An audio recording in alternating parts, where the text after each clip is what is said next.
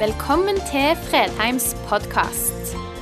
For mer informasjon og ressurser, besøk oss på fredheimarena.no, eller finn oss på Facebook.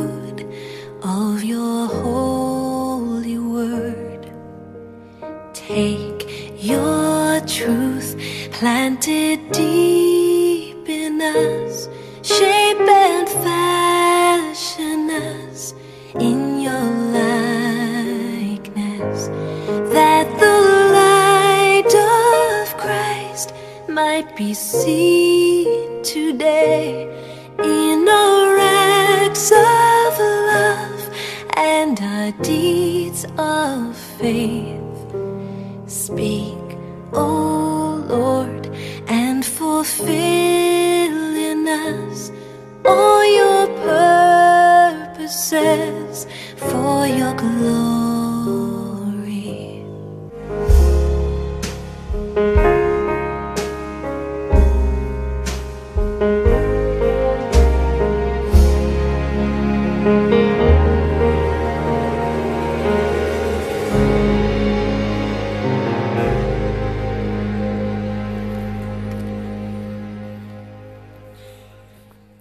Det ber vi om. Du taler til oss ved ditt ord og ved din ånd, sånn at du kan få fullføre ditt verk i våre liv. Til din ære. Amen. Godt nyttår. Ja, det var bra. Godt nyttår. Godt nyttår. Kjekt å se dere. Og Da handler det altså om det som ligger foran primært denne søndagen. Men vi begynner med 31. Eh, i 12. og hører hva statsministeren tror om eh, det nye året og sine forbedringsforslag. Det går alltid like dårlig, sier hun. Så hvordan skal det gå med oss når statsministeren sliter med å gjøre noe med alle forslag til forbedringer i det nye året? Forskjellige overskrifter som var i avisene den 31. Eller kan 2020-tallet bli det brautende titallets rake motsetning? Og bli et tiår der høflighet, raushet, avmålthet og kompromiss settes i høysetet? Aftenbladet. 2020 sier Nettavisen dyster spådom for 2020-tallet. Mindre frihet, mer skam og forbud. Og så kommer toppen av alt. Og Det handler om bergenserne. Det er jo ikke tvil om det. Bråk i Bergen kasta fyrverkeri ned på folk. Så, eh, sånn kan altså en avis oppsummere eller tegne for oss det nye året som vi nå er gått inn i. Mange andre overskrifter har det vært. Nå går vi til et bibelord som sier oss mye om det vi skal dele denne dagen. Jeg mener ikke at jeg alt har nådd dette, eller alt er fullkommen. Men jeg jager fram mot det for å gripe det. Fordi jeg selv er grepet av Kristus Jesus. Mine søsken, jeg tror ikke om meg selv at jeg har grepet det. Men én ting gjør jeg. Jeg glemmer det som ligger bak, og strekker meg etter det som er foran. Og jager fram mot målet, mot den seiersprisen som Gud fra det høye har kalt oss til i Kristus Jesus. La oss tenke slik, alle vi som har nådd fram til modenhet. Og om dere ser annerledes på noe, skal Gud gi dere klarhet også i det. La oss bare, så langt vi er kommet, fortsette i samme spor. Og Hovedessensen i det vi skal dvele ved, jeg glemmer det som ligger bak, og strekker meg etter det som er foran. Og Paulus begrunner det på et bestemt sted.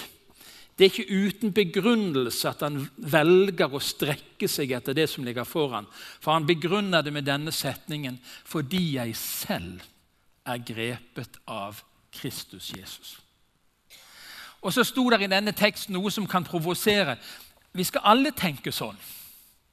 Alle som er kommet til modenhet. Og hvis du ikke tenker sånn, sier teksten, så skal Gud hjelpe deg til å tenke sånn. Jeg kan jo ikke si det, da hadde du blitt provosert. Men bibelteksten sa det. Sånn skal vi altså tenke, vi som ønsker å tro på Jesus og ønsker å følge han. Fordi vi er grepet av han, så glemmer vi det som ligger bak. Strekker oss etter det som ligger foran. Jeg vet ikke hvordan 2019 var for deg. Ingen av oss går med blanke ark inn i 2020.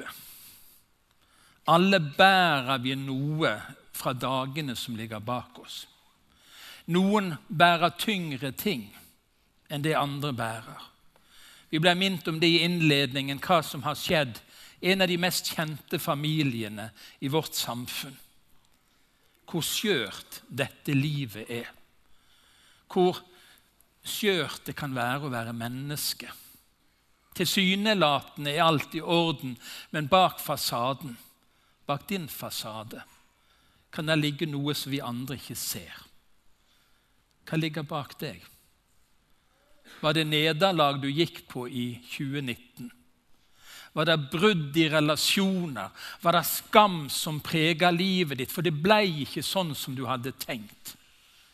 Det ble ikke det året som du hadde forventa. Du opplevde ikke Guds nærvær i ett og alt, men du kjente på motstand, du kjente på nederlag, du kjente på fortvilelse. Jeg vet ikke hvordan din 2019 var. Men teksten sier altså det går an å jobbe for å glemme det negative som ligger bak. Og var det en som hadde grunn til å fortvile over sin fortid, så var det Paulus. Når han skriver det i første Korinterbrev For jeg er den minste av alle apostlene. Jeg er ikke verdig til å kalles apostel, for jeg har forfulgt Guds kirke. Kanskje kan du samstemme med Paulus 'jeg er ikke verdig'. Hadde folk bare visst hvordan jeg er. Hadde folk bare visst hva du har tenkt i dette året, som ligger bak gjort Vi hadde ikke godt av å visst hvordan alt var med hverandre. Vi har nok med å vite hva vi sjøl er, hvordan vi sjøl er. Og så kan vi sjøl sette dommen over vår fortid. Jeg er ikke verdig. Men så skriver han i samme avsnitt Men ved Guds nåde er jeg det jeg er. Og Hans nåde mot meg har ikke vært bortkastet. Det er så nydelig å tenke at ved Guds nådefolk kan vi få lov å møte 2020 og tenke det er ikke min fortid som definerer meg. Det er ikke mine nederlag som definerer meg. Det er ikke det som gikk i stykker, som definerer meg. Jeg kan defineres av noe helt annet. Ved Guds nåde er jeg det jeg er. ikke det flott? Du kan bytte et helt annet fokus fra å se på deg sjøl ut ifra det at du ikke var verdig, det at du ikke fikk det til. Så kan du bytte det ut Guds nåde var ikke forgjeves i mitt liv. En nydelig tekst fra Hebreabrevet, kapittel 12 og et par vers. Derfor, når vi har så stor en sky av vitner omkring oss, la oss legge av alt som tynger. Og synden som så lett fanger oss inn, og med utholdenhet fullføre det løpet som ligger foran oss, med blikket festa på Ham, som er troens opphavsmann og fullender jeg ønsker deg et blikkskifte i 2020. Ikke se bak, ikke se inn, men se opp og se på Han. Med blikket festet på Jesus så kan vi få legge av alt det som tynger, og ikke minst synden som så lett fanger oss inn. Med blikket festet på Han. Det som ligger bak. Noen vil trenge hjelp for å legge av det som ligger bak. Noe sitter så fast, noe var så krevende, at det ikke bare å ta en bestemmelse, så er du kvitt det. Det vil kreve bearbeiding og prosess, samtale og veiledning, forbønn, sjelesorg, profesjonell hjelp. For det som ligger bak, er så krevende. Men vi kan få lov å begynne denne første søndagen med å feste blikket på Han, som kan forandre vår fortid. Fordi Han kan gjøre noe med det som fyller oss med skam. Det som gjør oss små. Det som gjør at vi ikke kjenner vi strekker til. Det er en ny begynnelse i Han. Og så skal vi få lov å strekke oss etter det som ligger foran. Og Nå ligger det snublende nær for oss å ende i en sånn lovisk grøft. Altså Hvis vi bare tar oss sammen Jeg vet ikke om du har prøvd å løfte deg opp etter nakkeskinnet av og til. og sier, nå, nå skal jeg bestemme meg for. Skulle vi tatt en liten håndsopprekning på hvor mange som har bestemt seg for noe i løpet av de siste årene som skulle bli annerledes, som ikke ble annerledes? Ja, her noen er ærlige her. Ja, det var Dere trenger ikke Jeg vet ikke hvor mange ganger jeg var på leir som ungdom og på fredagskvelden og lørdagskvelden så kom løfte etter løfte, og søndagen så reiste vi hjem igjen, og mandagen kom. Det er jo sånn virkeligheten så ofte er. Men det er et evangelisk driv i denne teksten som kan hjelpe oss til å søke forandring. Jeg skal si litt om prosesser knytta til det. Bare et par bibelvers men vær ivrige etter å få de største nådegavene. Altså, Det er en positiv driv i det å være kristen. Det er noe vi skal få lov å strekke oss etter. Jag etter kjærligheten. Søk åndsgavene. Hvordan? Med iver. Det er lov å være en kristen som lener seg framover. Det er lov å tenke Gud. Jeg lar ikke meg definere min fortid. Det går an å søke med iver. Det går an å strekke seg etter. Eh, når jeg gikk på søndagsskolen, og jeg gikk jo på søndagsskolen sånn, tror jeg gikk om igjen mange klasser. For jeg gikk på søndagsskolen til jeg var 13 år. Og Da sang vi bl.a. den sangen 'Våg å stå som Daniel'. Så står det eh, Fatt som han et hellig forsett. Gjør det fritt bekjent. Kanskje noen av dere gamle husker den? De over 50 nikker veldig her. Altså, det går an å bestemme seg. Det går an å si at 'dette vil jeg gjøre noe med'. Dette vil jeg søke. Dette vil jeg med iver prøve å innta. Det er et bibelsk, evangelisk driv som Paulus sier noe med den teksten. Jeg vil strekke meg etter noe. Så er han helt ærlig. Jeg mener ikke at jeg allerede er fullkommen. Jeg mener ikke om meg sjøl at jeg allerede har nådd det, men jeg jager mot det. Jeg jager mot det. Så denne salen den inviterer til sånn. sant? Så liksom Det å komme litt frampå, strekke seg, bøye seg fram. For noen år siden så valgte vi å lage en strategi, og vi ba mye og arbeida mye innenfor Guds ansikt. Hva skal være Fredheim sitt preg fram til 2025? Vi sa at vi skulle gjøre noe med hjemmet vårt, vårt private hjem og forsamlingshjemmet. Vi sa vi skulle være noe for byen, for landet og for nasjonene. Men hele utgangspunktet som definerte den kvelden når vi lanserte denne strategien med full sal her, og hele foajeen omdanna med svære plakater på veggen med dette skrevet på veggen Ikke uten deg. Vi har satt oss noen hårete mål for denne forsamlingen. Og vi tror Gud har ledet oss til å sette de målene. Men det kan ikke jeg gjøre. Jeg kan ikke oppfylle de målene. Staben makter ikke, det styret, eldsterådet Vi makter ikke å oppføre de målene. Oppfylle de målene. Det handler om den enkelte av oss. Ikke uten deg. Når vi tok avstemning på årsmøtet om denne strategien skulle gjelde de neste ti årene, så var det 96% som stemte ja. Så de fire prosentene kan jo unnskylde seg og si at vi gidder ikke. Men de andre 96 de er forplikta. 96% av de som var på årsmøtet, sa dette går vi for. Dette skal være vårt mål. vårt fellesskapsmål. Troens aller viktigste arena. Ofte den vanskeligste. Det er noen fotballag som sliter mer på hjemmebane enn bortebane. Har du fått med deg det? Men mange er hjemmelag. Har høyere poengsnitt på hjemmebane enn på bortebane. Hjemmet vårt er troens viktigste arena. Og Jeg håper alle som kom inn i dag, fikk med dere en sånn lapp.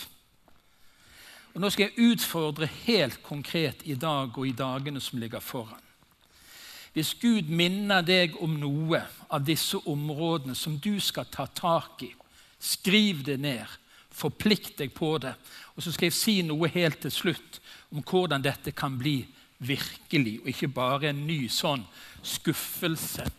En ny sånn forbedringsforsøk som ikke fungerer. Det hjemme, det personlige livet med Gud, har sin primærbase. Og jeg vet det, at hvis du skal skape dårlig samvittighet hos folk, hva skal du da snakke om bibellesing og bønneliv? sant? Hvis jeg skulle fått dere til å gå ut duknatta nå, så var det liksom bare snakk om å, vi må alle lese minst en halvtime til dagen og be en time. sant? Ja, ja, ja. Ja, ja, ja sant?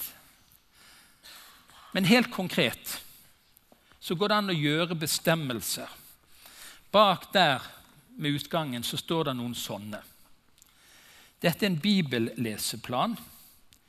Den kan ta deg to, tre, fire sekunder til dagen, fem minutter til dagen eller 15 minutter til dagen. Et enkelt hjelpemiddel. Jeg er papirmenneske, så nå begynte jeg på nytt med den. Og jeg, kommet, jeg ser her at jeg har kryssa. Jeg er a jour med den femte på den maxi å lese hele Bibelen på ett år. Ligger godt an. Ligger godt an. Hvis noen har lyst og trenger et hjelpemiddel, bruke et hjelpemiddel, så kan du ta med deg en sånn. Andreas han er mer sånn digital enn meg. Han vil ikke ha det skriftlig, han vil ha det på sånn mobiltelefoner og nettbrett og all verdens moderne greier. Så de som vil ha hjelp til å lese Bibelen på sånn moderne nettbrett Andreas lanserer en felles bibelleseplan som begynner 1.2. Hekk deg på. Og Der kan du velge om du vil bli synlig, at du har meldt deg på. Kan du være usynlig med òg? Ja. Sånn. Jeg, jeg, begynte på en sånn bibelleseplan digitalt nå 1.1., og da skrev jeg 'ingen skal kunne se'. skrev jeg. Bare sånn for å være sikker, for det er ikke min plattform. Det er liksom ikke det som er min hjemmebane. Men folkens, jeg har ikke lyst til å gi dårlig samvittighet. Men går det an å si det går an å strekke seg? Det går an å, å si til Gud jeg ønsker at mitt liv med deg i det nye året skal ta noen nye steg. Øystein Gjerme, som er pastor i eh, Salt Bergen-kirken, han skriver om hva som egentlig avgjør Kirkens framtid og Kirkens vekst og Kirkens innflytelse. Og han skriver det på denne måten et engasjert trosliv hvor vi følger Jesus i møte med mennesker, er det beste innlegget i enhver debatt om kristen tro. Dette er den store testen som i kirkehistorien har vist seg å være veien til seier og til styrke for den kristne kirke. Ikke avisdebatter. Ikke all verdens innlegg i offentligheten, men hverdagskristne mennesker som lever et engasjert trosliv. Det er det som avgjør Kirkens framtid.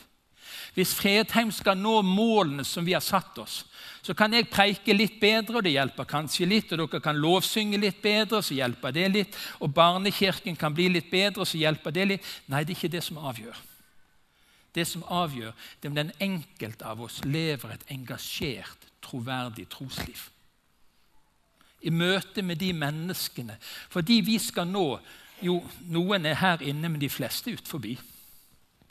De er der du går i din hverdag. Det er i mitt nabolag og ditt nabolag og på din arbeidsplass. Det er der de er. Vi kan prøve å få de inn her, men foreløpig er de der ute, de aller, aller, aller fleste. Har du lyst til å strekke deg? Har du lyst til å si det? Vet du hva? oh, det personlige livet med Gud. Jeg har lyst til å ta tak i det. Kanskje gjøre noe med gjestfriheten. Kanskje åpne opp hjertet mitt og hjemmet mitt, sånn at flere kan kjenne fellesskap. Enten de definerer seg som kristne, eller om de er på vei. Så har vi Jeg tror det er skikkelig stemning ute på gangen. Velsigne de små. Det hørtes kjekkere ut å være der ute enn her inne. Ja. ja Bli som barn igjen, har vi hørt, så det får være. Og så har vi et hjem her felles. Og Dette er et sånt bibelvers som er irriterende. sant? Nå kommer vi her liksom den første søndagen i det nye året og skal bli oppløfta. Og så kommer det sånne der pekefingerord. Men det er ikke det. Det er et oppmuntrende evangelisk sikte som ligger bak det som står her. Og la oss ikke holde oss borte når menigheten vår samles, som noen har for vane. Så står det la oss heller opp oppmuntre hverandre. Og det er så mye som dere ser at dagen nærmer seg. Jeg må innrømme det, at når jeg kommer her og snur meg og skal opp og preike For jeg snur meg aldri de første ti minuttene av en gudstjeneste. Da blir jeg deprimert. Så Det tror jeg de fleste her er klar over, at det siger inn til fem-ti over elleve. Så jeg snur meg ikke før jeg skal opp på talerstolen. Og I dag var det oppmuntrende kjekt å se, men det er ganger jeg tenker Hvor er de hen, alle sammen? Hvor er de hen, alle sammen? Hva er det som gjør at så mange holder seg borte når hjemmet åpner dørene? Når menigheten samles? Det er en oppmuntring bare i å møtes, vet du det? Det er en oppmuntring bare i å se hverandre. vi oppmuntrer hverandre med vår tilstedeværelse. Vi kjenner savn. Vi kjenner savn. Dette døgnet så har i alle fall i 22 timer eh, har det vært pågående forbønn. Og I morges når jeg sto opp, så henta jeg fra medlemslisten fem sider. Og ba for alle medlemmer i forsamlingen. Det var spennende. Og Så var det noen jeg savna. Måtte gå en liten ekstra runde med noen navn. Lenge siden jeg har sett dem. Og så er ikke det nok for kanskje må de få høre at de er savna. Kanskje trenger de å få vite det av noen som bærer det muntlig til de ansikt til ansikt. 'Vet du hva? Jeg savner deg.' Men det var spennende å be for over 400 navn. Det tok sin tid. Og etterpå 45 konfirmanter. Og det var en fryd. Kunne få lov å bruke tid på 45 14-15-åringer som dette året nå, i dette hjemmet her For nå er dette deres åndelige hjem dette året. Og vi ber først og fremst ikke at de må bli med på Fredheim, men at de må møte Jesus. Men at de òg må få seg et åndelig hjem hvor de kan få vokse i troen, bli kjent med Jesus og bli værende hos Han. Det er en oppmuntring. Bare når du kommer, så er du med å oppmuntre. Og så vet vi at dagen nærmer seg, folkens. Vi er nærmere nå enn vi noen gang har vært. At det ikke er tid lenger. Så la oss oppmuntre hverandre så lenge det heter i dag. Så ønsker vi å være noe for byen vår. Dere skal fremme fred for den byen som jeg har ført dere til i eksil og be til Herren for den. For når den har fred, har også dere fred. Et par mandagskvelder i det forrige året fikk jeg lov å være med på felles bønnevandring i Sandnes. En flokk fra forskjellige menigheter møtes en mandagskveld i måneden for å tråle byen vår, be for byen. De to jeg gikk sammen med, vi gikk ned til rådhuset og sto foran rådhuset og ba. For ordfører, for rådmann, for alle de politiske beslutninger. Vi skal være med og bety en forskjell for denne byen. Og jeg er så glad for kollekten på julaften. 51 000 kroner til byprestene. De som virkelig arbeider blant de som sliter i denne byen. Vi sa det i vår drøm, vår visjon. Vi vil bety en forskjell for denne byen. Om ikke vi alltid er ytterst ute i møte med menneskene, så fikk vi på julaften være med å gi et håndslag til de som er helt i frontlinjen. De som når menneskene som sliter. Og så fikk vi lov å gi en gave, en håndsrekning. Vi har Hjertebanken, som er på en måte blåst litt liv i på nytt igjen. Hvor vi ønsker å møte mennesker som trenger praktisk hjelp. Og For første gang så var jeg 16. mai av alle steder i 2019 hos en gammel dame som spurte om hjelp til å flytte en plante på terrassen. Det var bare det, det var ikke bare en plante på terrassen. Jeg var våt av svette når jeg kom hjem igjen, for det var mer enn én plante. Det var fullt av diverse ting, og hardt og eh, fastgrodd var det. Men for en opplevelse å møte en som sier det. Skal ikke du ha betalt for det? Nei, nei, nei. Dette gjør vi ganske enkelt for å være til hjelp. Ja, er det mulig? Er det jobben din det å gå rundt sånn? Nei, det er ikke jobben min å gå rundt sånn. Så kan vi få lov å bety en forskjell for byens mennesker. Vi skal være noe for landet vårt. Og denne Teksten fra Romerne kapittel 9 den utfordrer meg stadig, for jeg sliter med den. Jeg taler sannhet i Kristus. Jeg lyver ikke men egen samvittighet bekrefter i Den hellige ånd. Jeg bærer en stor sorg i hjertet og plages uavbrutt. Ja, jeg skulle gjerne være forbannet og skilt fra Kristus om det bare hadde vært til hjelp for mine søsken, for mine landsmenn. Min nød er at jeg har så lite av den nøden. Jeg skulle ønske jeg hadde mer av den. At mine søsken, mine landsmenn, mine naboer, de menneskene som ikke kjenner Jesus, at de kunne møte Jesus gjennom meg. Og så har vi fått lov å være med og sende noen. Men så er det områder i dette landet vårt hvor det virkelig er så mørkt at vi kan nesten ikke tro det, vi som sitter her i denne salen. I Sandnes er det 51 kristne forsamlinger. Noen steder er det knapt et menneske som samles. I bygder i dette landet steder i dette landet. I Oslo, vår hovedstad, går under 1% av befolkningen regelmessig til gudstjeneste. Landet vårt, folkens. Landet vårt. Kaller Gud deg til noe? Til noen? Er det mennesker Gud taler til deg om, så gi beskjed, så vi kan være med og så skal vi bety noe for nasjonene.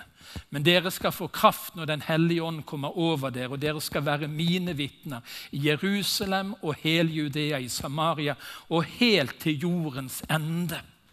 Og På misjonssøndagen vi hadde i, i, i høst, så fikk vi lov å gi noen glimt av ting som skjer gjennom misjonstiltak gjennom denne forsamlingen. Det er større enn vi er klar over, men det er mer land igjen å ta som Bibelen sier. Kjenner du på noe? Kaller Gud deg til noe knytta til nasjonene? Til å nå ut med evangeliet helt til jordens ende? Ikke uten deg. Men ok, hvordan kan vi få dette til? Noen kjenner den ene som går der. Min gode venn Gunnar Ferstad, som var her på ledersamling for et par måneder siden. I mange år har han jobba med det som heter medvandring. Han begynte med det som pastor i Betlehem i Bergens Indremisjon og har fortsatt med det på bibelskolen, hvor hver elev skal få en voksen medvandrer. Fordi nøkkelen til det vi nå snakker om, nøkkelen til forandring, er ikke å bestemme seg alene. Nøkkelen er ikke å dra seg etter nakkeskinnet alene. Nøkkelen er det Bibelen sier. Også dette sier jeg dere, dersom to av dere her på jorden blir enige om å be om noe. Det er som to av dere. Om én blir overvunnet, kan to holde stand. Og enda bedre med tre. Og Jeg har fortalt noen ganger om det når Hans Erik og meg møttes en dag i uken tidlig om morgenen og holdt hverandre ansvarlig på bibellesing og forskjellige ting, og hvor det kosta oss 100 kroner for hvert kapittel vi ikke hadde lest. Så Hver uke når vi kom, så var det sånn Hvor mye har du lest? Ah, jeg skylder ingenting denne uken. eller vi skyldte 200 kroner, og vi betalte en misjonær sine forsikringsregninger et helt år på våre mangler. Ja. Men vi holdt hverandre ansvarlig.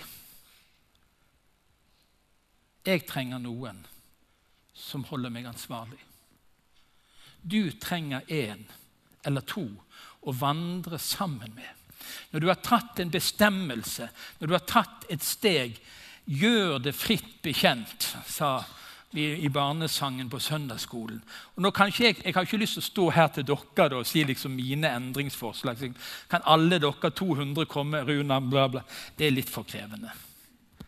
Det blir litt mye. Men du trenger én. Kanskje skal du denne søndagen rett og slett kikke litt her. Så står det det om en medvandrer. Hvem skal du gå sammen med i 2020? Hvem skal du invitere inn i de bestemmelsene som du har tatt? Hvem skal få lov å kikke deg litt i kortene, sånn at 2020 blir et litt annerledes år?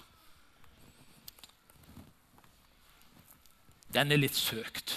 Jeg innrømmer det. Men det er ikke bare sånn medvandring to og to.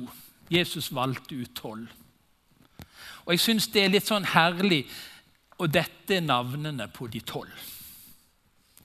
Vi trenger å høre til i et fellesskap hvor alle kjenner mitt navn. Ditt navn. Hvor du blir savna når du ikke er der, for de kjenner deg. Jeg må innrømme det når jeg leste gjennom denne medlemslisten, så var det enkelte navn jeg måtte prøve å visualisere. Hvordan ser nå de ut? Jeg innrømmer det. Og jeg har snakket med alle sammen, hatt medlemssamtaler med de fleste. Men jeg måtte bruke litt tid. Å ja, de er det. Sånn ser han ut. Sånn ser hen ut. Du trenger et fellesskap med noen som kjenner navnet ditt som du vil bli savna av når du ikke er der. Hvor du kan få trene deg, hvor du kan be om forbønn, hvor du kan bli utfordra til å ta nye steg, og noen heier på deg. Det er på den måten bestemmelser, det å strekke seg, kan lykkes. Og aller sist må dere sammen med alle de hellige bli i stand til å fatte bredden, lengden, høyden og dybden. Det er noen ting vi ikke lærer når vi bare er to eller tolv. Det er noe vi trenger å være mange om. Noe som skjer når vi kommer sammen, hele fellesskapet. Unge og gamle, grå hår og uten hår, og hele spekteret. Det er noen erfaringer vi kun kan dele og få del i når folk som har levd et langt liv, et annerledes liv, deler det med oss.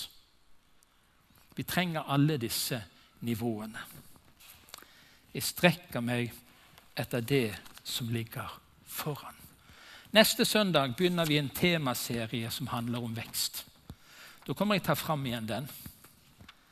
Da tar du den med. Og så håper jeg du har notert noe. Så håper jeg at du innen den uken eller innen de neste par ukene har gått og spurt en kjent Du, skal vi vandre sammen i 2020? For jeg har prøvd så mange ganger før å ta meg sammen. Det har ikke lykkes. Men kan vi gå sammen? Kan vi forplikte hverandre sammen? Kan vi hjelpe hverandre sammen? For du skjønner, Den drømmen som vi har for 2025, den blir ingenting uten deg. Uten at du er med. For du betyr en forskjell, skal vi be. Herre, vi eh, kjenner på det at det å bli utfordra kan være krevende. Vi har så mer enn nok med oss sjøl. Vi har så nok med vårt eget liv og vår egen bagasje. Men Herre, av og til så ber du oss løfte blikket og se markene som er hvite til høst. Av og til så sier du det rett til oss at høsten er stor, men arbeiderne er så få. Og Herre, denne søndagen ønsker vi å be deg at du driver arbeidere ut til din høst. Du driver oss. Vi et par hundre menneskene som er på Fredheim denne søndagen. Kunne du drive oss ut som arbeidere til din høst, Herre? For vi vet at dagen nærmer seg. Og Herre, vi ønsker å få lov å være en del av en bevegelse hvor mennesker får se deg, Jesus. Bli kjent med deg. Bli født på ny. Blir eh, med på himmelveien, far. Så ser du de som kom denne søndagen med en bagasje som gjør at de knapt har hodet over vannet, Jesus. Nå ber jeg i ditt navn at de må få lov å feste blikket på deg, troens opphavsmann og fullender. Sånn at skammen viker, fortvilelsen blir mindre, Herre. Vi skal få lov å se at du er den Gud som kan gjøre alle ting nye. Vi ber om det i Faderens, Sønnens og Den hellige ånds navn. Amen.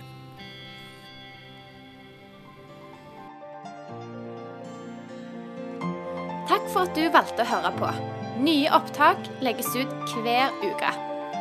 Vi har gudstjenester hver helg, og du er hjertelig velkommen.